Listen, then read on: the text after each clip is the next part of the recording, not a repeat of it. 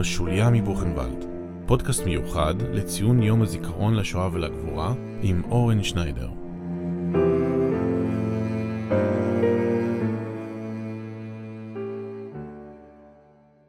שלום, שמי אורן שניידר. לרגל יום השואה רציתי לדבר על הספר השוליה מבוכנוולד, שכתבתי כדי לספר את סיפורו של ניצול שואה, סבא שלי, אלכסנדר. מעט רקע. נולדתי וגדלתי בישראל, שירתתי הרבה שנים באמ"ן. אני יזם, גר עם המשפחה בברוקלין, ניו יורק. אני נתניאתי, וכמו שאומרים, אפשר להוציא את הבחור מנתניה, אי אפשר להוציא את נתניה מהבחור. הפכתי יתום צה"ל כתינוק, כשאבא שלי, שהיה טייס קרב, נפל בגיחת אימונים. מאז ומתמיד, השכול והאובדן היו חלק ממי שהייתי, כילד, כנער וכאדם מבוגר. סבא אלכסנדר, ניצול מחנה הריכוז, לקח על עצמו הרבה מהעול והאחריות על החינוך שלי. כי אמי הייתה רופאה צעירה, ובילתה שעות ארוכות במשמרות יום ולילה בבית החולים. סבא אלכסנדר היה גם יזם מטבעו, איש מאוד מיוחד, שאיבד רבים מבני משפחתו בשואה, ואלה שניצלו חוץ ממנו, היגרו לארצות הברית מהעיירה הקטנה לפני שנולד. הוא התחיל לחלוק איתי את סיפורי הלכידה וההישרדות שלו ממלחמת העולם השנייה כשהייתי בן חמש. ובסופו של דבר, היה האחראי לעובדה שהפכתי לאופטימיסט חסר תקנה. הוא היה האדם הכי קרוב אליי. במרץ 2020, השמיים נפלו על הרבה מאוד בעלי עסקים.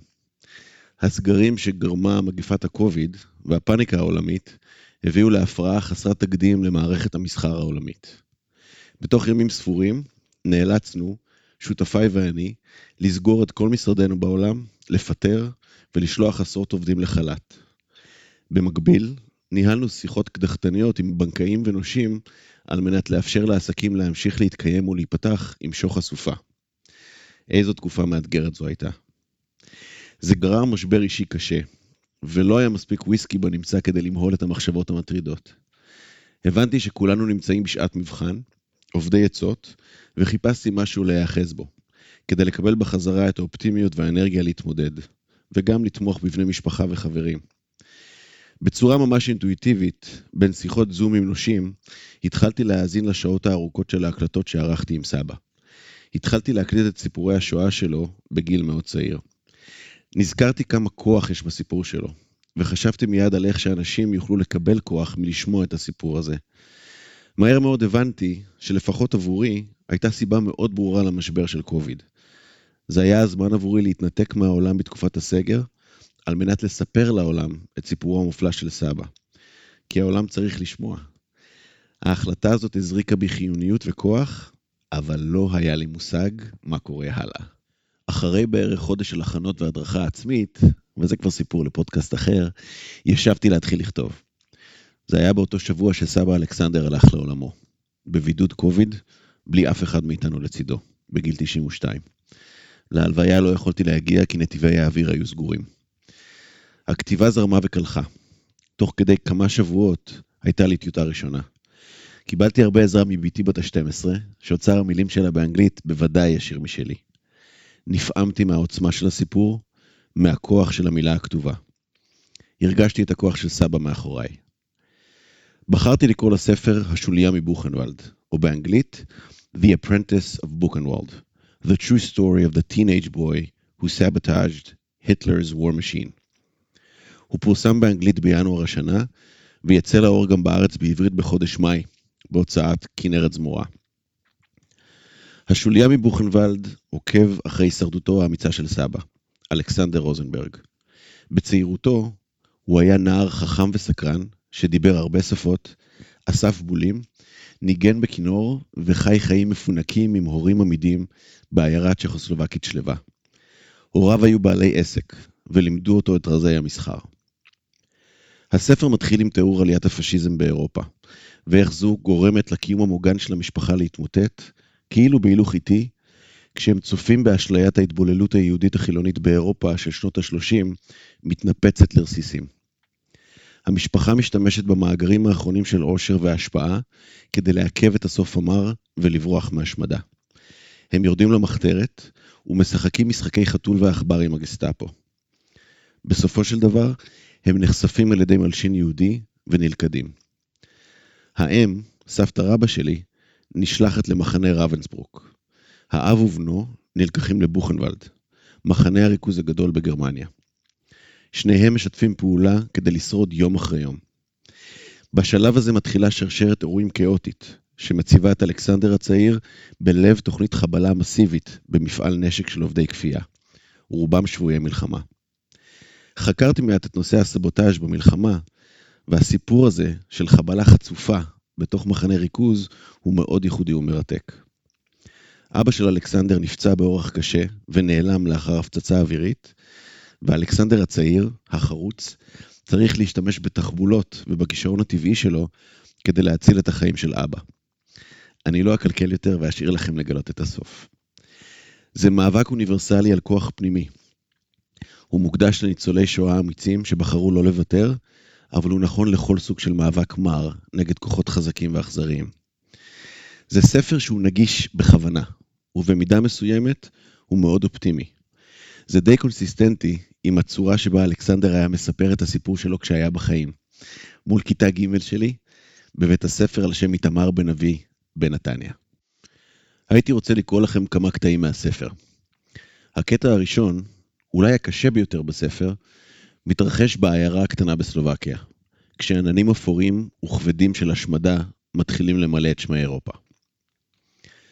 ביום שמש אחד התעוררתי בשעה מוקדמת לכל דפיקות קולניות על הדלת הקדמית.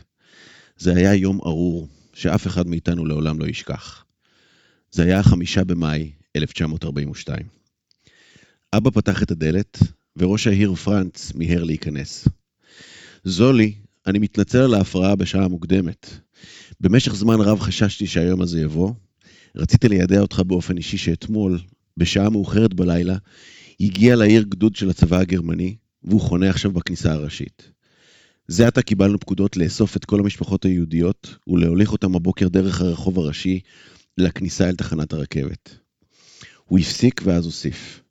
קרונות הרכבת מוכנים בתחנה ומחכים למשפחות, והם ישימו את פניהם הערב צפונה, לפולין. אז הוא אמר שמפקד האס-אס המקומי העניק להנהגת העיר את הזכות לציין את שמותיהם של עשר משפחות יהודיות שהן חיוניות לכלכלה, והן ינצלו מן הגירוש ויורשו להישאר בעיר מבלי להיפגע. ראש העיר עצמו ערך את הרשימה, ומשפחתנו נכללה כאחת מן העשר. הוא חזר וביקש מאבי לא לדאוג. אמא עמדה לידי בקצה גרם המדרגות בקומה השנייה, ואנחנו הקשבנו לשיחה. זולי, לא חשוב מה תעשה, אל תעזוב היום את הבית. אמור לאירנה ולבן שלך לא לצאת. אם יבוא מישהו וידפוק, בעיקר גרמנים, הראו להם את התעודה הלבנה, ובקשו מהם לדבר איתי. אני אהיה בתחנת הרכבת כל הבוקר. אבא לא אמר אף מילה. אני אדביק את ההודעה הרשמית הזאת על הדלת הקדמית שלכם, כדי לידע את האס-אס שתושבי הבית הזה אינם מיועדים לגירוש, ושאתם לא אמורים להילקח לתחנת הרכבת. פרנץ עזב באותה מהירות שבה נכנס. הרגשתי כאילו כל החמצן בביתנו נשאב החוצה מיד. אבא נשאר קפוא, נאחז בידית של הדלת הקדמית. אמא ישבה על הרצפה לידי, נועצת עיניים בקיר הלבנים. הם יכולים להכריח אותנו לעלות על רכבות לפולין? לא, שני, אנחנו בטוחים. בינתיים. הוא עלה במדרגות ועמד לידי. בני, עשה מה שתעשה היום, אבל אל תצא החוצה. אפילו אל תסתכל החוצה. זה יום נורא, מקולל. הוריי נכנסו לחדר השינה שלהם וסגרו אחריהם את הדלת. כשהשבתי לדיון של אבא ופרנץ, לא עלה כלל בדעתי להסתכל החוצה. אבל עכשיו, כשאבא מצא לנכון להתחנן שלא אציץ, באופן טבעי לא יכולתי לעצור בעצמי. איפה יהיה לי המבט הטוב ביותר על הרחוב? הבית שלנו היה ממוקם ברחוב הראשי ממש, אבל היחידה שלנו לא היו חלונות שפנו לרחוב עצמו. החלטתי לטפס לגג. המראות שראיתי בבוקר ההוא יהיו חקוקים בזיכרוני לנצח, למרות שניסיתי למחוק אותם. טור של אנשים התקדם לאיתו לעבר תחנת הרכבת. היו ביניהם חברים שלי מבית הספר, המורים שלי, האופה שלנו ומשפחתו, רופא המשפחה שלנו ומשפחתו, משפחות עם תינוקות, ילדים קטנים, נשים וגברים, צעירים וזקנים, הולכים אל התחנה בטור ישר ומסודר, כשהם נושאים מזוודות ותיקים. הגיעו עוד ועוד. החיילים הגרמנים דאגו לכך שאף אחד לא יחרוג מן השורה. כולם הלכו בשלווה ובשקט, בצעדים איטיים קבועים. הלב שלי דפק. זה היה סוריאליסטי לגמרי. זרם האנשים החל להידלדל. התחלתי לשמוע קולות קוראים מן החצר האחורית שלנו, וירדתי לראות על מה המהומה. בדירה שלנו היה חלון קטן, שפנה לחצר של השכן. האיש הזה היה בעסקי הנעליים והאור. הוא היה איש זקן, אם כי חזק, שנהגנו לכנות אותו דוד אלכסנדר. הוא היה אלמן. איבדתי החוצה דרך החלון. דוד אלכסנדר עמד כשגבו אל הקיר, צועק על שלושה חיילים גרמנים שעמדו לידו. אני נלחמתי למען הקיסר וילהלם, יחד עם הצבא הגרמני, הייתי חייל נאמן. יש לי ציונים לשבח, יש לי מדליות. אני יכול להראות לכם. אינכם יכולים להכריח אותי לעזוב את הבית שלי. זה לא עזר. אדם במדים של האס-אס סתר לו פעמיים בפניו, והוא נפל, מתייפח. הם בעטו בו והיכו אותו שוב, כשהם סוחבים אותו מן החצר אל הרחוב. אחריו הם הובילו בכוח את שתי בנותיו. הלכתי למיטה ונרדמתי. כשהתעוררתי, כבר הייתה שעת אחר צהריים מאוחרת. טיפסתי שוב על הגג.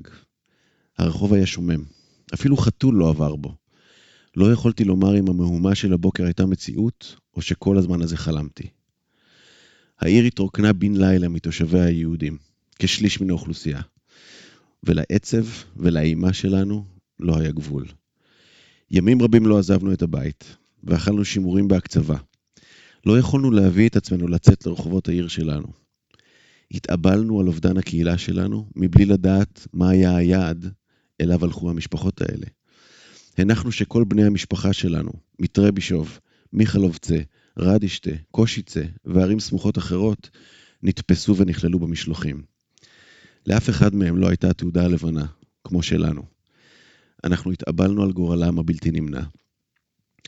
ידענו שאנחנו חיים על זמן שאול, ושבסופו של דבר יגיעו גם אלינו. חרושת השמועות טענה שהרכבות שהובילו את יהודי העיר היו בדרך לאזור לובלין שבפולין, אבל לא יכולנו להבין את משמעות הדבר. הרחוב הראשי של העיר, שגרו בו בעבר בעיקר משפחות יהודיות, היה ריק, וחזיתות החנויות היו נטושות.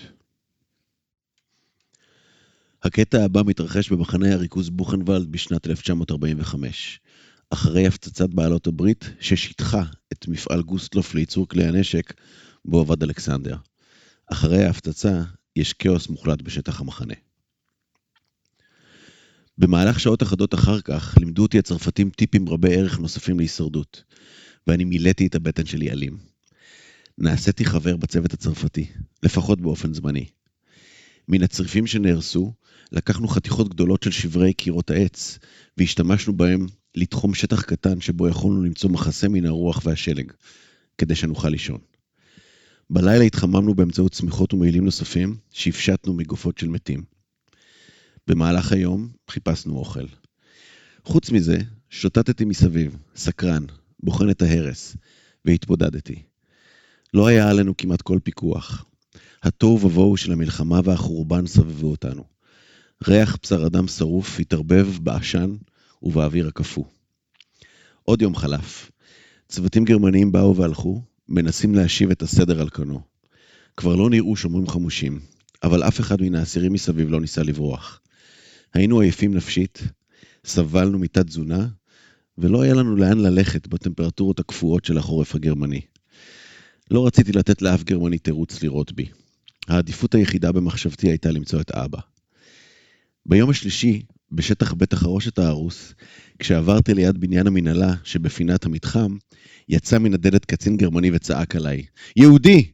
בוא הנה ברגע זה! לא הייתה ברירה. הייתי חייב לציית לפקודותיו, וכעסתי על עצמי שנכנסתי למצב הזה. הבעיה שלי הייתה תמיד שאף פעם לא יכולתי לשבת בשקט. הסקרנות גרמה לי תמיד לשוטט מסביב. למעשה תמיד חיפשתי צרות, ומשום כך גם מצאתי אותן. ניגשתי לקצין, והלכתי אחריו. הוא הוביל אותי לאחד הבניינים הסמוכים, שככל הנראה הוסב למטבח זמני לאחר ההפצצה. נכנסנו לחדר קירור גדול.